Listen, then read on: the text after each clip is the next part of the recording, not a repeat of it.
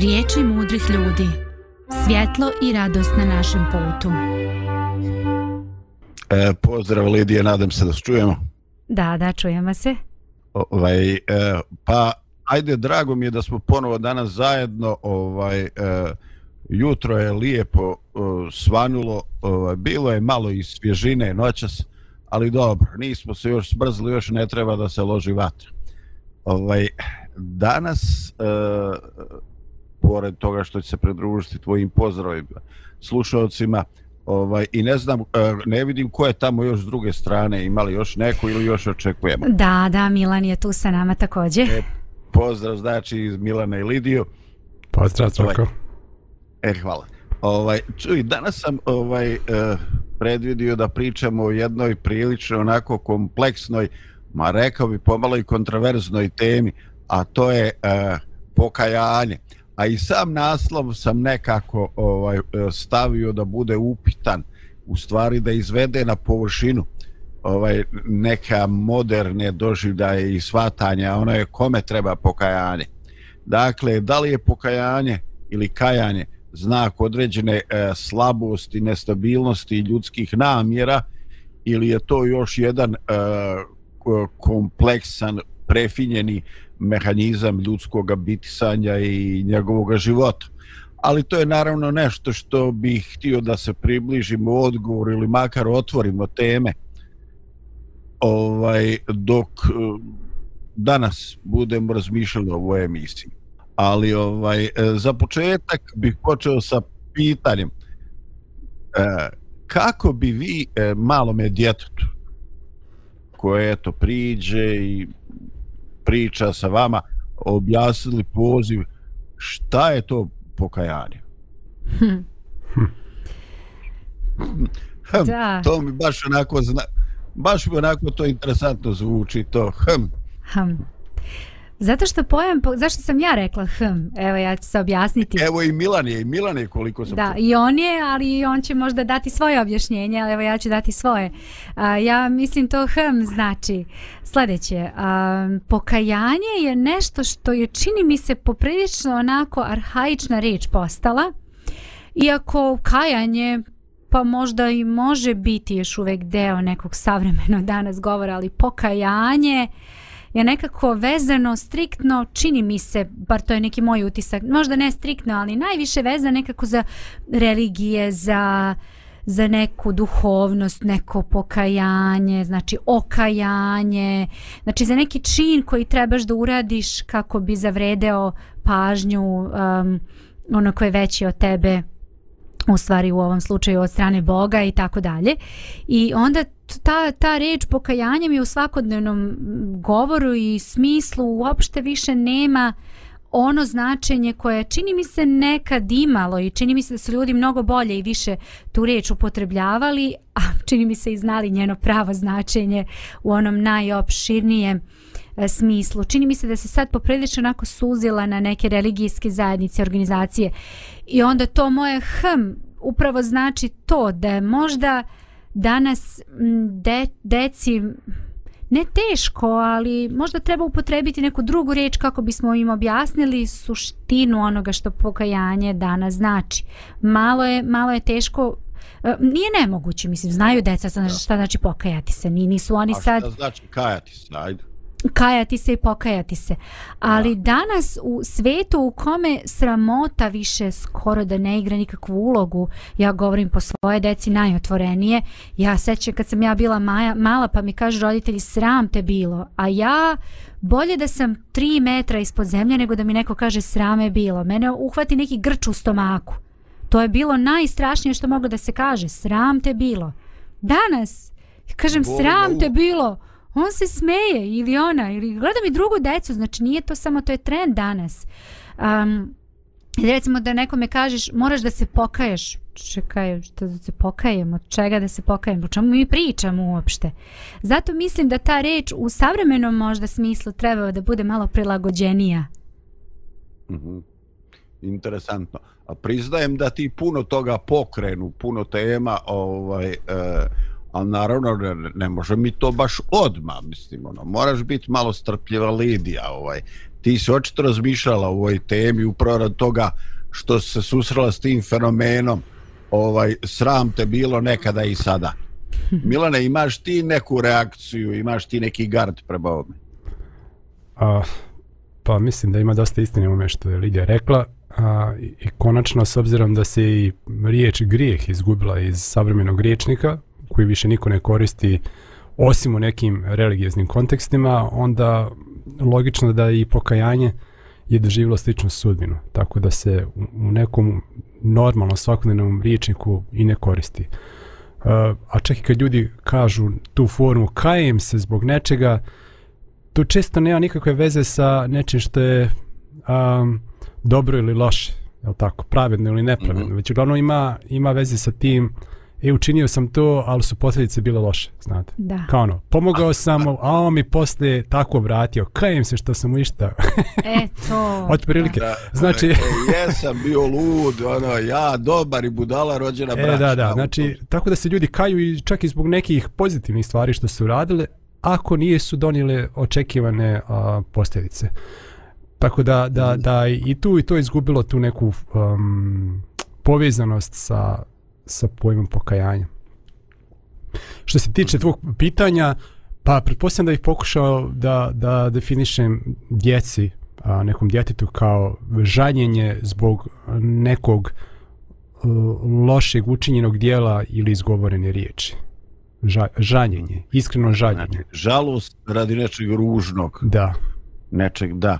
Ovaj, e, da, baš mi je, baš mi je drago što se to odvoji od pojma posledica ovaj, e, dakle, upravo kao što si ti rekao, e, nešto što smo mi uradili nije donijelo očekivane nije donijelo očekivane rezultate.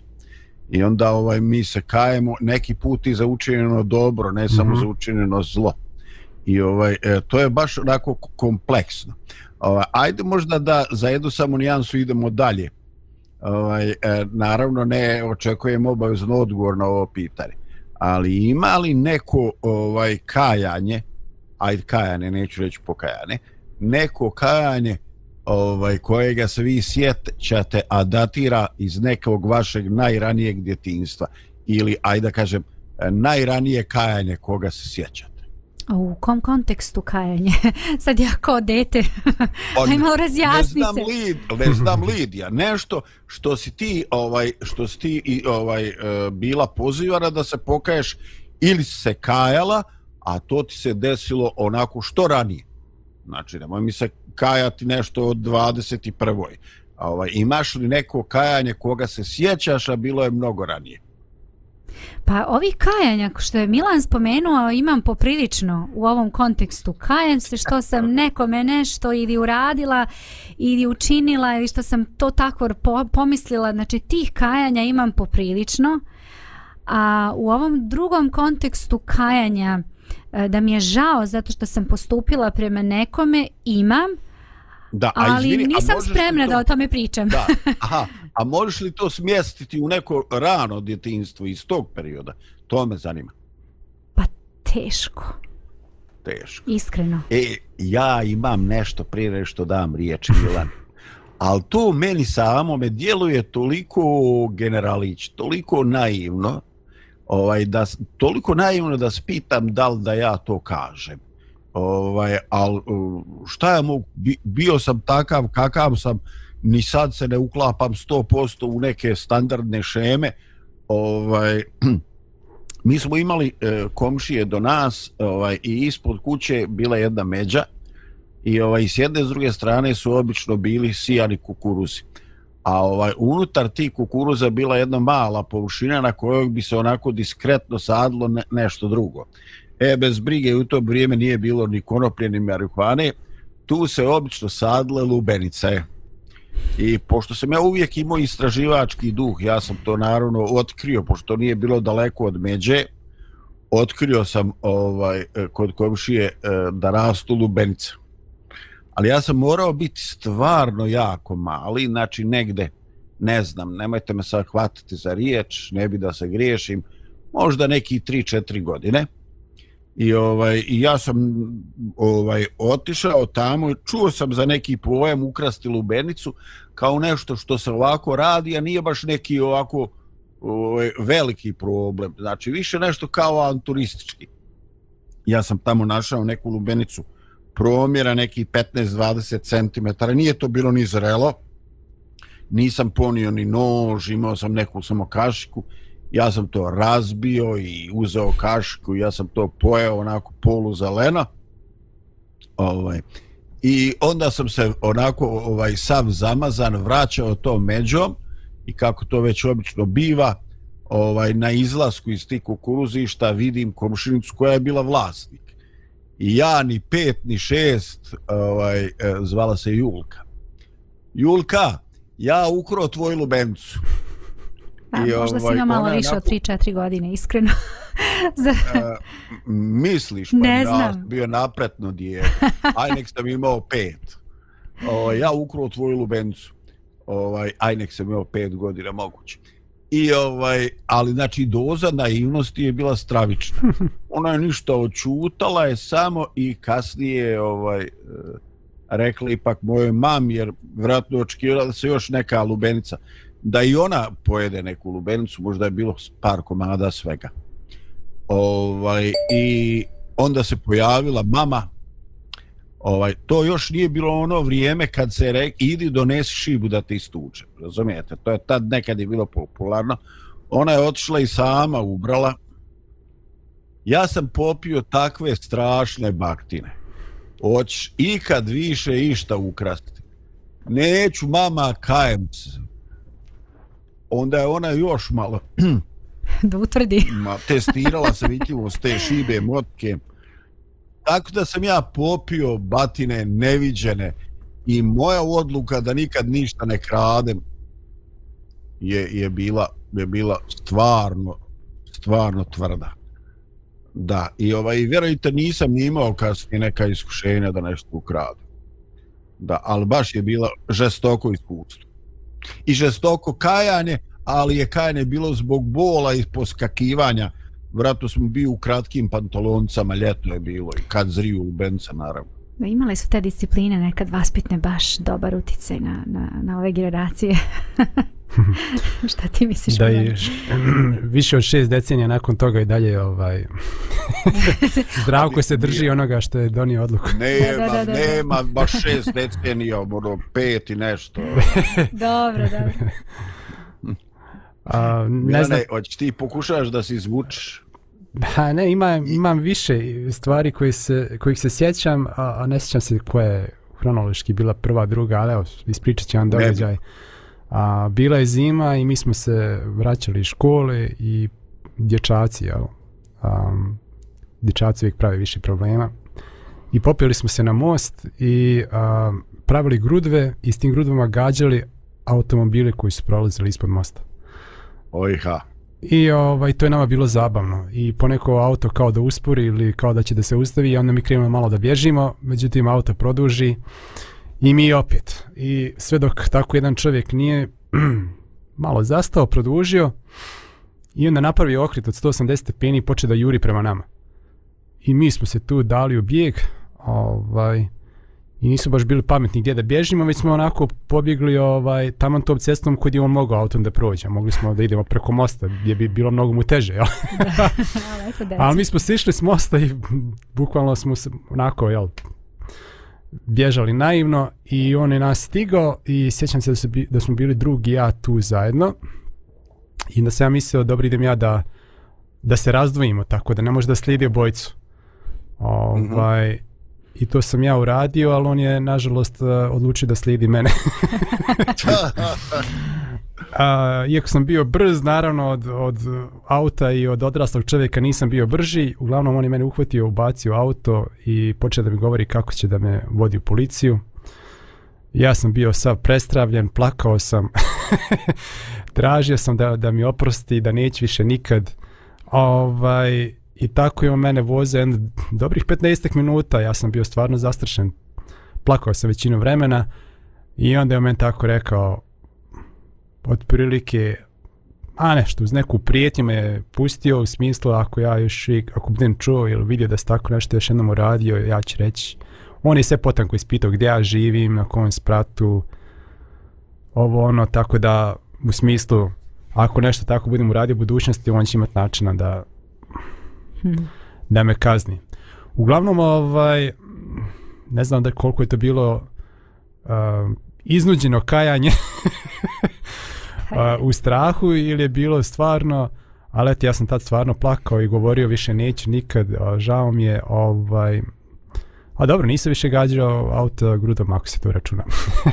da, da, da, radio su druge glupe. Gađanje grudvama je od tad postalo traumatično iskustvo za tebe. Svaki put. E, Lidija, puštaj muziku, da. ja već u žaludicu osjećam ovaj, ove, ovu nelagodu od svih ovih ovaj, e, straha od Milanovog straha i mojih batina, ono, previše negativne Pre, energije. Previše traume. Za... Imam i ja jedno takvo iskustvo, ali ga neću pričati sad, jer mislim da je dosta za ovu fazu. O, meni je, neću meni svakako. je želudac proradio, puštaj muziku, molim te. Može.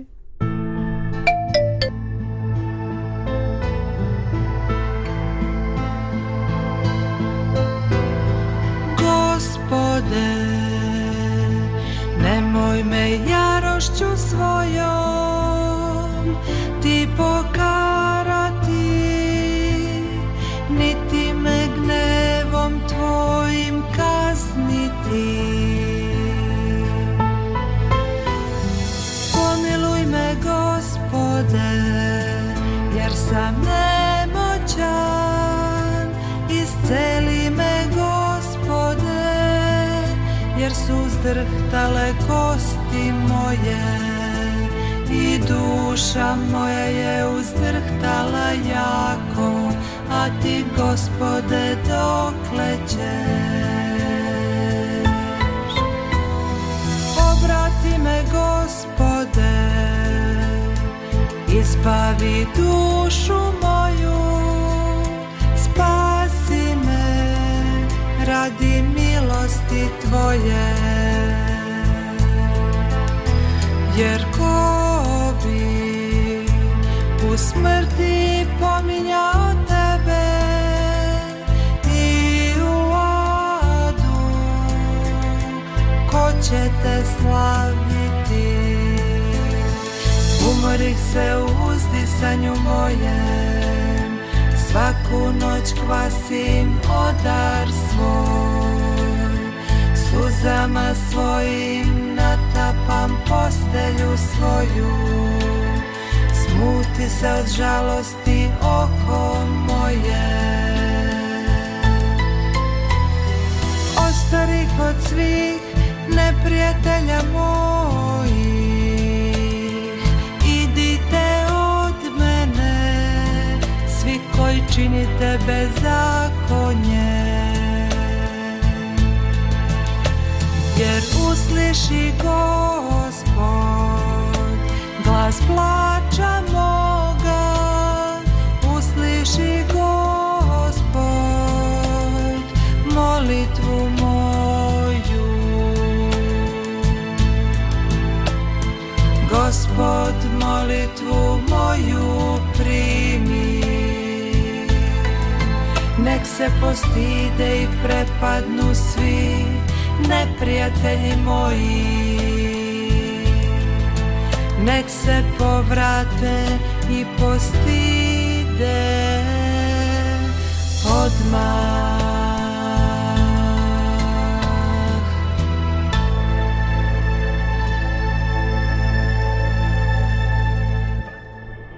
Tu smo nazad u programu. Zdravko, izvoli. E, e, hvala Lidija. E, Ovaj, dakle, možda je ovo trenutak da zaokružimo, ovaj, da još uvijek se zadržavamo na riječi e, kajanje, kao nešćega što proizilazi iz našega sekularnog života i što se na neki način jasno razlikuje od pokajanja kao nečega što je e, unutrašnja, psihološka, duhovna ovaj e, kategorija. Dakle, govorimo još uvijek o e, kajanju. E, volio bi, iako ste vi to već e, na neki način e, spomenuli više ili manje, znači da pokušamo da taksativno navedemo koji su uzroci kajanja kod djece, pa ajde dozvoljava možda i kod nas odrasli. Dakle, idemo redu. Jedno je kajao sam se, kajao sam se jer sam imao posljedice ono Milan pretrpio strah, ja pretrpio boli glavo, batine. Ovaj onda uh, moralni pritisak, jel tako, spominjanje Lidija, sram da te bilo, a ti devojčica, jel tako? Da. No, mislim katastrofa. Šta još šta još može biti uzrok kajanju? Ovaj eh, ne znam, ovaj biće previše gluposti za jedan dan. A ovaj ali je neke stvari u mom životu ovaj bile su ludo, ostale bile su baš ovaj otrežnjujuće. E, sjećam se jedan od prvih e, onako samostalnih e, zarađenih novaca. Znači ja sam bio neki 5-6 dana, neki prijatelji su me poslali. E, pravila se jedna ovaj zgrada, mislim da je to upravo ta zgrada iz kojeg vi emitujete program i majstori su prestali raditi. I onda je trebalo nekoliko dana da neko ide da skuplja te daščice, da slaže, da vadi X-ray i tako. Znači ništa opasno, ništa zahtjevno. Taman za nekoga tako 16-godišnjaka, 17-godišnjaka. I ovaj e, i ja sam to radio i dobio neki para onako i sav ponosan krenuo na autobusku stanicu, nekad je autobus za prijedor i I tu je bila pijaca, ja sam otišao na pijac i negde ovaj, na periferiji pijaca su operisali šibicari. I meni se to učinilo jako ovako nešto što ja mogu da proniknem i tako. I šta da vam kažem? Nisam baš izgubio sve novce koje sam zaradio ali ja sam poblijedio tamo gde je ličilo da ja garant dobijam ja sam izgubio i onda mi prošla misao čoveče pa mogo se otići na pol kile janjetne sraži eto to je bilo toliko strašno toliko sam se osjećao ovaj e, sam sam sebi vikao e, kao onaj e, tamo e, Lazar e, Ristovski kad kaže konju jedan slonu, tako sam ja vikao sebi. I, ovaj, i onda sam rekao, ovaj, pa kako sam naivan. I onda je meni nakradno došli oni što dobijaju, pa oni sa strane, da je to sve jedna ekipa. I to je taj danak neiskustvu, ovaj posljedice, gubitak, ali ali vjerujte, e, ovi, ovi, ovi, mama me izliječila od krađe u Lubenica, a škvicari su me izliječili od kockane. Eto, na kraj kraja nije to sve ni bilo tako skupo. Od velikog zla sam se izvuka. Da, to sad znaš u svojim godinama, onda... onda, je, o, onda je puklo po kile, o, ovaj, po kile janjetne sraše. Znaš ti kaj je to? Koji bi to bio triumf da sam tako potrošio umjesto sam da u Šibicarima. No da, dakle uvijek imamo neki gubitak, imamo moralni pritisak, fizičku kaznu, svijest o promošaju, ovaj, ponekad u nekojem dobra vremena i osjećaj srama. E sada, eh, moje upravo sljedeće pitanje na koje Lidija već dala djelovično odgovor. Eh, kakav je odnos između osjećaja pokajanja i osjećaja srama? Ovaj, Milan je već odgovorio, eh, zato što je nestao pojam grijeha iz uobičajenog svakodnevnog razgovora, nestaje i pojam straha srama. Jer napokon, mi se sramimo ovaj, ne radi posljedica, nego radi nečega što definitivno osjećamo da je ružno, da je, deko, da je dekadentno, da na neki način nas e, ponižava nas, naše bića, da nas predstavlja u nekom ružnom svijetu. I kao takvo, e, čovek se ovaj stidio. I nekad je taj prijekor srama bio ovaj baš onako žestoko. Ovaj mislim da je nekada srami se e, žešće djelovalo nego bilo kakva psovka ili bilo kakav agresivni akt. Ovaj i toga je nestalo. Ovaj i zaista onda e, mi svjesni smo da ulazimo u jednom vremenu e, gdje su se gdje su se promijenile neke stvari ovaj bitno. I razmišljajući o ovoj emisiji, mislio sam ovaj e, šta je uzrok?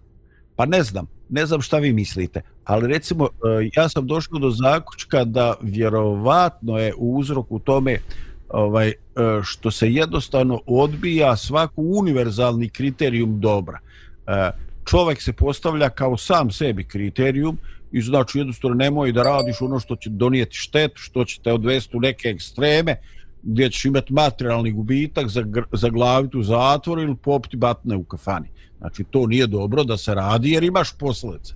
Znači, kauzalni ona uzrok posledice.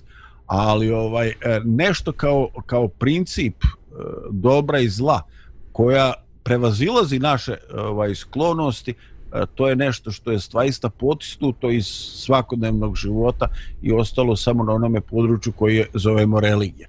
U stvari to jeste tragedija našega vremena. E, religija je istisnuta iz svakodnevnog života i svedena na neki e, bogoslužbeni period, na neko bavljenje tim i onda mi ovaj vraćamo se ovaj uh, E, sa liturgije, vraćamo se sa džume, sa mise, gdje god da budemo i onda se vraćamo u normalni život. Dakle, e, religija nije nešto što boji našu svakodnevnicu i svaki tren života, nego nešto što mi periodično upražljavamo i onda se vraćamo. Znači, vraćamo se u taj neki sekularni svakodnevni ovaj, život i upitno je koliko je to nešto što, ovaj, e, što smo činili ovaj pod nazivom e, religioznom praksom koliko to upravo utiče utiče na na život. E, koliko je vaše iskustvo ovaj podudarno sa ovim što sam priča? Pa ima istine, ima mnogo istine u tome što je što je napravljen nekakav pregradni zid između um, religioznog i svjetovnog.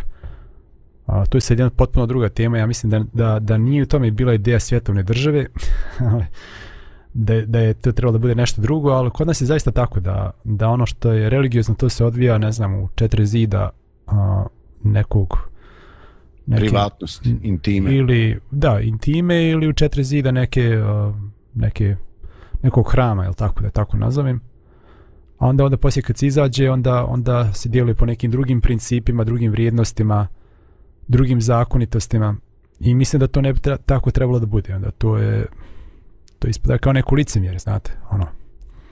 Mhm. Mm kad sam na ovom a mjestu, čekaj, onda se da. tako ponašam po tim principima, a kad izađem, mislim da to tako ne bi trebalo da bude. Znači da principi po kojima se vladamo su isti principi bili u, u hramu ili u, ne znam, nija, kafani ili bili na radnom mjestu ili u kod kuće. A, tako da, da ta nekakva razdvojenost dovodi do prvo nekog licemjernog ponašanja individua, dovodi do degradacije religije jer onda ljudi koji nisu religiozni videći to ne žele da budu dio takvog nečega i mm, dovodi do toga da i dovodi do toga da ovaj sve one blagotvorne lijekove za ajde tako nazovem probleme duše koje religija nudi a, mi smo danas bez njih i onda kad imamo ogromne međuljudske pro, ogromne probleme u međuljudskim odnosima, kad imamo ogromne probleme sa stresom, sa zdravljem, onda ne znamo šta da radimo i šta da preduzimo po tom pitanju. Zašto? Zato što smo se odrekli lijekova koji smo koji smo imali za, za probleme duše, za probleme međuljudskih odnosa, za probleme a, nošenja sa teretima života koji smo koji su naši preci možda koji su vjerujem bili religiozni od nas imali. Mhm. Mm Milane, ovaj, e, da li ti imaš utisak ovaj, da se određena pojava ovaj, e, kajanja, ovaj, e, pokajanja, ako se ona izražava pred drugim ljudima, ovaj, da se u vremenu u kojem mi živimo to doživlja kao određeni znak slabosti u društvu među mladim ljudima. Um, kakav je, kakav je tvoj dojam, iskreno, mislim, naravno, ne očekujem da se obavezno služiš sa mnom. Kako se doživljava među ljudima u tim nekim grupama kad neko sa društvom dijeli svoje kajanje zbog nečeg učinjena? Kakva je reakcija najčešće? Pa, Ajde, Lidija, nije, nije, nije, mhm. reakcija nije, reakcija uglavnom nije saosjećanje ili podrška. Znači, prvo što se to izuzetno rijetko dešava. da neko u društvu, znači to se rijetko dešava i ono jedan na jedan, a u društvu to je tek ono endemska pojava, da sad neko pred, pred ne znam, grupom prijatelja ili ljudi izražava svoje pokajanje zbog nečega. Mislim da je... Da otpjeva onu čorbinu, osjećam se ko poslednje, gr, i onda, e, da, to je baš rijetko. To je baš rijetko, a čak i kad se tako nešto desi, uvijek se nađe neka osoba koja ga a, gotovo da kritikuje zbog, zbog toga što se tako ponaša. Kao, znači, da, mo može, se, može, slabost. se, može se reći kao da se to gleda kao, neku, kao neka slabost. I ja mm. znam čak i neke osobe koje su meni, ja se sjećam meni jedna, jedna osoba rekla kao, ja, kako reče, koji su bili riječi, prilike, to je tako, tako bio neki, nekakav trend kao, ono iz engleska kao no regrets, kao radiš šta hoćeš da radiš bez žaljenja i kao ja, bila ženska osoba kaže, rekla je ja nikada ne želim, nisam žalila zbog bilo čega što sam učinila. Ja sam onako u čudu stao i pitao da li to znači da, da si ti savršena osoba i da nikad nisi uradila nešto što zbog čega bi trebalo da žališ ili da si uradila takve stvari ali nemaš nikakvog gošća savjesti koji te zato obtuže. Jer u principu nema treće opcije. Kako, kako je moguće da, da osoba živi bez žaljenja? Ne želim zbog bilo čega što sam učinio ili učinila. To je i te jedna možda savršena osoba da kaže, koja nikad nije učinila ništa loše. A pošto niko od nas nije savršen, to znači da takva osoba ima otupljelu savjest i da koga god da povrijedi, šta god loše da uradi, kako god grešku da napravi, nema žaljenja. Ja, ja to ne vidim. Ja, vrlo egocentrično i vrlo otprilike da se, e, pošto je to žaljenje ne, neki, nekakav negativan osjećaj, hajde ja se jednostavno tarasim tog negativnog osjećaja, a šta ću u životu da radim, koga ću da povrijedim, koji ću moralni principi da pogazim, to nije bitno. Važno je da, da se ja ne osjećam loše zbog toga. Od prilike to je nekakav vrlo sebičan a, pristup e, životu. Evo da se možda i ja uključim u diskusiju. Um, iako bih se načelno složila sa ovim što ste rekli obojica i definitivno da, da mm, praksa i ono što vidimo oko sebe pokazuje to u čemu, o čemu vi sada govorite, ja bih ipak možda dala jedan tračak nade, a to je da um, imam utisak uh, Da li ja to možda iz svoje perspektive gledam ili ne, ne znam, ali imam utisak da, da se nekako vraća ta nada u, u te neke prave istinske vrednosti koje, koje bi trebalo da krase svakog pojedinca, da to ne bude neki usamljeni slučaj, već da to bude nešto stvarno, realno što će u društvu biti deo, deo nečeg normalnog i nečeg prihvatljivog. Ja imam osjećaj da se to nekako polako vraća i da se te vrednosti počinju sve više ceniti. A, zato što se vraćamo nekako na ono autentično, na svoje lično, na ono što jeste stvarno. Jer ljudi prepoznaju, prepoznaju ono što nije autentično i što je tako nešto naučeno i što je ušminkano. Um, željni su ljudi danas prave slike neke osobe ne kažem ja sad da je to da je to sad u potpunosti sve tako da smo mi sad svi vrlo otvoreni jedni prema drugima i da ćemo reći o, ako mislimo da smo pogrešili prema nekome da to sve danas da funkcioniše kao što bi trebalo ali mislim da je možda učinjen jedan blagi korak u tom pravcu ja to svesredno podržavam da postoji tendencija je li? da i mislim da, da bi da nekako ova mlađa generacija prepoznaje uh, tu, tu, taj trend koji već stvarno znači, prevazilazi sve mere tog nekog fake života, eh, te neke mreže koja stoji između nas i drugih ljudi. Već jednostavno ljudi vole da neko iskreno priđe i da kaže hej, ja se tako osjećam ili to sam ja ili žao mi je ili znači nešto, nešto, nešto od svega toga. Tako da ima nade. super. Zvini Hvala zdravko. ti Lidija. Zvini da. zdravko, sad mi dok si... Um, dok si govorio to, to pitanje, dok si nam postavljao to pitanje, pala mi je na pamet da, da recimo u jednom segmentu života nisam nikad vidio da se ikad neko pokoje, a to je, to je u politici, eto, znači ono da sad ulazim u epidemične stvari, ali nisam nikad vidio nekog koji na nekoj a, funkciji da kaže ljudi pogriješio sam. Mm. znači, bez obzira mo, možda u zapadnim zemljama gdje još uvijek pusti tradicionalno taj nekako, neko, neko poštovanje hrišćanskih vrijednosti, pa kad čovjek kaže, a to je možda tamo sad i već licimirno, znate ono, kad uhvate nekog na da je nešto mhm. loše uradio, kaže joj izvinjavam se svim mojim obožavaocima, ali to je čisto da sačuva svoju poziciju i da ne snosi posljedice. To je tako očigledno. Ali i pusti možda nešto. A mhm. kod nas, u našim ovim, uh, našem regionu, da ga tako nazovem, uh, nema toga koji će kad reći e, pogriješio sam, bez obzira šta se desilo. Tipa, uhvate ga, uhvate ga sa 200.000 oda, ne znam nije. Ili on nešto kaže, ili on nešto kaže, garantuje vam, ono s iduće sedmice pokaže da nije ta, da je to bilo pogrešno. Znači, ne, nema, ne, nema niti preuzimanja odgovornosti za vlastite postupke, niti priznavanja svoje greške, a da ne govorim tek pokajanja. I da. onda izgleda, izgleda to ljudi vole. I, I sad ja pretpostavljam, jel tako? Znači, Kaže, a, ko je jamio, jamio, ka ima izraz. E, izgleda da to ljudi vole, da je to nekakav dokaz, da on to možda smatrio i nekom snagom, kad čovjek brani svoje postupke, šta god je uradio, i kao, eto, ovaj, on je nepogrešiv. Znači, on, on tako se postavlja i ljudi ga tako doživljavaju. Ne, ne znam, nije. Uh, I to očinjeno da to, i, a, očinjeno da to pali kod ljudi. Da. Ovaj, ne, ljudi kažu, ovaj, ali čekaj, on je to odradio tako i ne snosi posljedice i očito da je to ovaj e, u praksi dokazan i pravilan oblik ponašanja. Znači, ovaj, taman još da se pokažem slabost pa da ovako, ovako do zadnje braniš se i pitam te, jel ti vjeruješ meni ili svojim očima, razumiješ? Znači, mm. to je, ovaj, to je to. Ovaj, eh,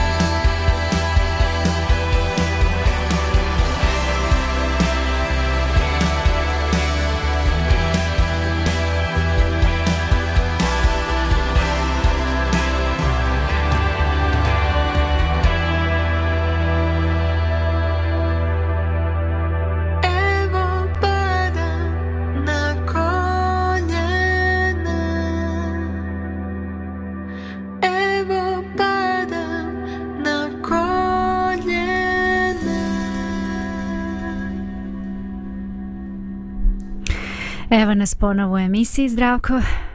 Da. Pa lijepo da smo još uvijek tu, znači izdržali smo. Ovaj, e, govorili smo o tome kako se e, pokajanje doživljava e, kao neki znak slabosti, kao nekog odsustva, odlučnosti. No, ovaj, ajde da zakoračimo još jedan korak upravo u tome smjeru. Postoje pojmovi koji se nazivaju i religioznom patologijom. Dakle, e, šta je sa onim ljudima i da li se to može podvesti pod taj pojam e, koji jednostavno zbog osjećaja griže savjesti, koji e, ne napušta, e, koji ljudi noste i koji jednostavno isprečava da e, konzumiraju životne radosti, da imaju oblik na, ova, osmijeh na licu. Ovaj, e, šta bismo rekli o ljudima koji e, su neprestano u procesu E, kajanja koja se graniči sa nekim samokažnjavanjem a to opravdavaju nekom svojom e, dubokom religioznošću.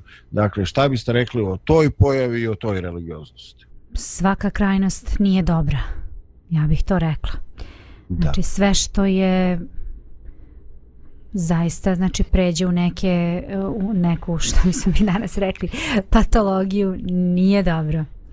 Um, Pokajanje je jedan proces e, kroz, čovjek, kroz koji čovjek prođe i dobro je da prođe kroz pokajanje, ali koji se završava na kraju nekim iscelenjem, izlečenjem, a sa druge strane i nekom lekcijom i poukom da sutra možemo pričati šta nam se dogodilo i hrabriti druge oko sebe da to ne ponove, znači tu istu grešku koju smo mi napravili. I to je proces koji ima svoj početak, ima svoj završetak i tako i treba da bude. Uh, um, postoje tu i neke druge životne situacije i stvari kao što je sada da ne, ne širim puno temu, ali kratko ću spomenuti možda gubitak neke voljene osobe i ako to traje duži vremenski period o, ta, ta neka uh, vrsta vrsta um, da kažem možda žaljenja i tuge zbog gubitka osobe naravno niko ne može da odredi određenoj osobi, nekoj osobi koliko će biti tužna ali postoji određeni period kada dođe do nekog izlečenja što ne znači da osoba je um, i dalje ne žali što da ostale da. bez te osobe ali jednostavno život ide dalje ideš dalje u nove neke e, stvari a ovo čuvaš u sebi naravno kao nešto što je što je nesrećna okolnost i nešto ti se dogodilo u životu, strašno. Ali isto je tako i za pokajanje. Znači, to je proces, ima početak, ima svoj završetak i sve što nije tako, to nije dobro. Mhm, hvala ti. Prije nego što odgovorim na tvoje pitanje, možda da se ostane malo ovo što si prekao ranije, da je to znak slabosti. Gledao sam ovaj film Oppenheimer.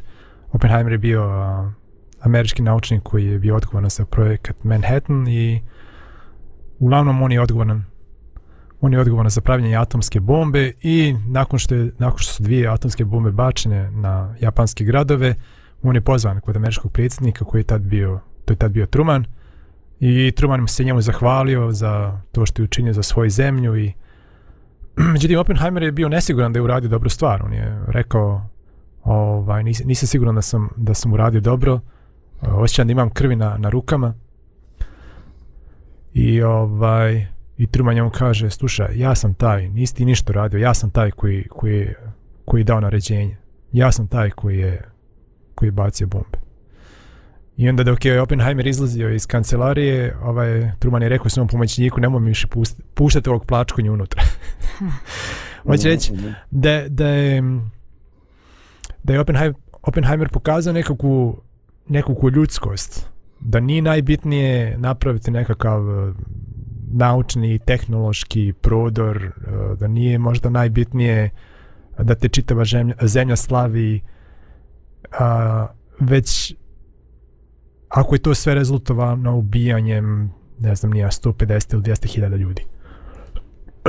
Međutim, to je njegovo, taj njegov, to, to njegovo osjećanje a, e, odgovornosti i krivice, a, je bilo pretumačeno kao slabost i to mu je dok je, ne znam, bio da, da se drugačije postavio bio bi, ova, ne znam, nije dobro došao kod predsjednika, a sa, sa takvim stavom je to bilo pretumačeno kao slabost i o, ovaj mu je rekao više nek, na, ovaj nek ne dolazi meni. Um, Makar je bio zabilježen u protokolu, ona kao stalna, stalna opaska. Jeste. Da. E, a izvini, iako nije direktno, ali vidiš, ja kad slušam tebe, ovaj, ja uopšte nisam siguran šta je bilo i u mozgu tog Trumana. Jer upravo ta njegova reakcija govori da on negde u dubini sebe nije ostao hladan, ali da je potreba njegovoga, njegove funkcije, predsjednička potreba da bude macho man, da bude vođa jedne velike nacije, ovaj, eh, uzrokovala da on stvorio sliku koju mora do kraja ulog, koju mora do kraja odigrati i ovaj, baš kažem nisam siguran u čvrstoću ovaj, da je sve tako kao što on želio da pokaže ipak je nega nešto uznemirilo moguće moguće da Ne znamo, ne znamo o tome. Da, ovaj uh, definitivno definitivno neke stvari su ovaj snažne. Evo, uh, što se tiče iz Hrišća, da, izvinim. Što se tiče tog pitanja, obično sam da ću odgovoriti na drugo pitanje. A, ja sam čitao, volio sam da čitam Scott Pecka i on je, i on je tako govorio o slučajevima nekim koji su bili gdje, gdje su obično osobe iz religijznih sredina. A, možda je eto, potom poznata, ajde sad, nije, mislim, ne govorim negativno, ali recimo to se često dašava u katoličkim sredinama a, gdje nekako osobe koji su duboko religiozne imaju taj teret krivice. A, o, i, i nosi ga dugo, dugo. I, ovaj, i u tom, u tom, u tom u tim nekim slučajima religija zaista može da igra neku negativnu ulogu u, u životu čovjeka. Znači da, da kažemo otvoreno, znači e, smatram da religija u, treba i, i, i unosi veoma kvalitetne promjene u čovjekom život, ali u nekim slučajima religija može da igra i negativnu ulogu i e, I neki ljudi su imali neke, šta ja znam, psihoze koji su godinama i decijenama nosili i koji su morali na neki način da razriješe. To je, to je jedna okolnost u kome se tako nešto dešava. A druga je možda vezana za a recimo neke slučajeve kada kada pusti, kao što je lider rekla, gubitak volje na osobe, možda, možda recimo ako majka izgubi dijete i osjeća se zbog nečega odgovornom, a zbog toga što se djetetu desilo, to može da bude neko kajanje koje se nosi dugo, dugo, dugo vremena i koje, koje razara na neki način a, a psihu te osobe. Da, ovaj, pa vidiš, ovaj, postakao si me, ovaj, e, postakao si me da baš kažem. Ovaj, dakle, neke pojave eh, koje mi ponekad češće prepoznajemo u jednoj konfesiji eh, ne moraju biti eh, sastavni dio najmanje učenja te konfesije, nego jednostavno stvori se jedna e, klima ovaj u kojoj su takve reakcije moguće. U drugoj nekoj konfesiji su neka druga iskušenja i tako. Mm. Ali ja sam u životu sretao ovaj e, osobe koje su ovaj užasno dugo bile opterećene e, e osjećajem grijeha, čedomorstva ili pobačaja. Mm. I ovaj, e, to je nešto o čemu su te žene e, rijetko pričale, ali to je e, ostavljalo trajnu, trajnu sinku na njihovim licima i na njihovim ovaj srcima. I ovaj ja sam se za trenutak šokirao ovaj kako su određene pozitivne religiozne poruke ovaj jednostavno zaobišla te ljude ili te žene koje misle da su da su stvarno ovaj duboko religiozne koje sebe tako ovaj doživljavaju. Jer ovaj e, na osnovu onoga što piše u Svetim spisima, u Svetom pismu prvenstveno ovaj mi pokajanje doživljavamo kao nešto što nije znak našeg samokažnjavanja nego upravo jedno smekšavanje koje dolazi djelovanjem Duha Božjega. Znači, Bog je taj koji nam daje ovaj pokajanje. Ali isti taj Bog koji ti daje da se suočiš sa svojim grijehom, sa zlom koji si uradio, gro, zlom koje može biti katastrofalno, zlo koje si uradio možda u strahu, možda pod pritiskom, možda u stra, ovaj, iz nekog drugog razloga, nekoga ludosti, mladosti. Ovaj, eh, onoga trenutka kad ti osjećaš, kad se suočavaš sa svojim zlom, čovjek mora biti siguran da je i to dijelo Božije. E sad, taj Bog koji te osvjedočava da, čini, da si učinio zlo, taj Bog je onaj koji ti daje oproštaj. Dakle, e, mi moramo reći ljudima, osjećaj griže savjesti i ponuda oproštenja su nešto što ide paralelno. Hmm. E, neprijatelj ljudskih duša, Sotona je onaj koji koristi Boži zakon da bi to ubio i pojam da bi ti rekao za tebe nema nade, ti si moj, ti si prešao na, tra, na stranu tame e, zla, ti si neupotrebljiv, ti si izdao sve što se izdati može, ti se odrekao života, prezreo se one koji su ti najbliži, kriv si možda za ljudski život ili tako. Dakle, mnoge one stvari koje se dešavaju, pogotovo u zlim vremenima, uh, je nešto što može ovaj ne samo opteretiti ljudsku psihu, nego i čovjeka potpuno poremetiti, dovesti ga do nekoga oblika ludila. I tu je bitno reći, onaj koji to svjedočava da se učinio zlo, koji ti stvara uh, iskrenu žalost, znači bez traženja ko je sve odgovoran, uh, kome je ponukao, kome je nagovorao, nagovorio, uh, ko je na neki način ovaj držao svijeću dok sam ja to radio. Znači, bez traženja nekoga ko bi olakšao moj grijeh, kad se mi susretnemo sa našim zlom, mi moramo biti svjesni da je tu i Božja ponuda, a, Božja ponuda oprosta. I ne prihvati Božji oprost je na neki način oholost, mm. je na neki način, na neki mm. način zlo. Ja bih rekla da je jedan i drugi proces u tom procesu pokajanja jako važan. Prva stvar, zašto se kaješ? Zašto se kaješ? Šta stvarno stoji u dubini tvoje duše kada, kada izgovaraš te reči nekome kajem se? Da li je to ono što je Milan spomenuo? Pa eto, kažem da se kajem ovaj, da ne bih imala posljedice ili mm-hmm. jednostavno treba tako od mene se to zahteva, to je moja dužnost i ja to uradim eto iz, iz dužnosti i je to stvarno ono istinsko pokajanje zato što znaš da je to što se uradila, uradio, da to stvarno nije u redu i da to stvarno nije dobro jer ti svojim činom si nekoga povredio, nekome si naneo neko zlo ili nešto si, nešto si dirnuo u nešto što nije bilo možda tvoje ili šta god daje veći razlog tog eh, pokajanja koje se možda javlja u osobi. To je jako važno. Znači prvo otkriti zašto se kaješ um, i da li je to istinsko. Bolje se nemoj kajati. Znači ako je to neiskreno mnogo je bolje ne pokajati se nego pokajati se lažno jer onda Misliš, stvaraš bolje još... ne izražavati pokajanje Pa bolje ne izražavati pokajanje, da, da. definitivno da. da.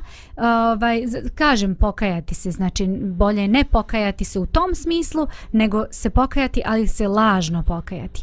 I sa druge strane, ako već dođeš do tog stepena pokajanja, da ti stvarno shvatiš e, ono što si uradio, uradila, da nije kako treba, ovaj, onda drugi korak je isto tako jako važan, to što si ti zdravko spomenuo, a to je znači prihvatanje jednostavno, da sada možemo ići dalje i da je život pred pred nama i da to stoji iza nas kao neka opomena možda za neku budućnost. Uh -huh. Pa evo ja moram sa vama i sa našim slušalcima ovaj, podijeliti informaciju. Ja sam imao još jedno ozbiljno poglavlje ovaj o javanđelskom izvještaju o Jovanu Krstitelju, o čovjeku koji je pozivao na pokajanje ali ovaj očito da je to ovaj e, da je to jedan fenomenalan i jako kompleksan izveštaj koji zaslužuje e, čita u jednu emisiju i neka to bude eto najava za sutra a ja bi e, približavajući se kraju ovaj emisije podijelio s vama samo jednu rečenicu koju sam našao u, ovaj na YouTube a ovaj čiji autor je episkop Justin i koja kaže kajanje je doživotni proces, a pokojanje je dar Boži. E, oni koji vas koji potraže ovaj e, taj e, video ovog autora vidjet će se da se ovdje nikako ne radi o tome da čovjek treba čitav život sebe da ovaj e, da progoni sebe, da sebe kažnjava, da izvršava neku pokoru. Naprotiv, ovaj ovdje se kaže pokajanje e, proces koji traje čitavog života, kajane, doživotni proces, kao svijest o našoj prirodi. Dakle, psalmista Davež će reći u grijehu se rodi i u grijehu zatrud je mati moja sa mnom. I, ovaj, I onda pokajanje nije nešto što smo mi iznjedrili, nije nešto neke pozitivne vibracije koje smo mi eto uključili mozak pa dok učili. To je definitivno ovaj, dar Boži. Dakle, e, rezultat svega toga bi trebala biti jedna poniznost, jedno realno sagledavanje sebe samoga i želja da ovaj ne budemo brzi, da ne budemo sudije drugih ljudi. E, I eto, e, sa ovim riječima bih pozdravio i vas u studiju i naše slušalice, slušalce i rekao bi, budite pažljivi. Kad imate pokajanje, ne budite tvrasti srca, prihvatite jer kad vam se osjećaj bula i pokajanja daje, vjerujte, u tom paketu vam se daje i oproštaj i Bog je milostiv i Bog vas je prepoznao kao ličnost, kao osobu po imenu. Prihvatite to. A bilo kakvi vi bili mačo muškarci, zatvorite se u svoju sobu, kažete pogriješio sam, isplači se i reci Bože oprosti i idemo dalje i hvala ti što si moćan i što si u stanju da mi oprostiš. A o svemu onome što će biti poslije, razmišljajmo da kojem sudom sudimo drugim ljudima, da, da će isto tako biti suđeno i nama. Ne žurimo se da budemo strogi sudija drugim, drugim ljudima. E, vama, e, Lidija i Milane, zahvaljujem se kao i slušalcima koji su slušali ili će gledati snimak. Svako vam dobro želim od Radio Pomirejne. Vidimos.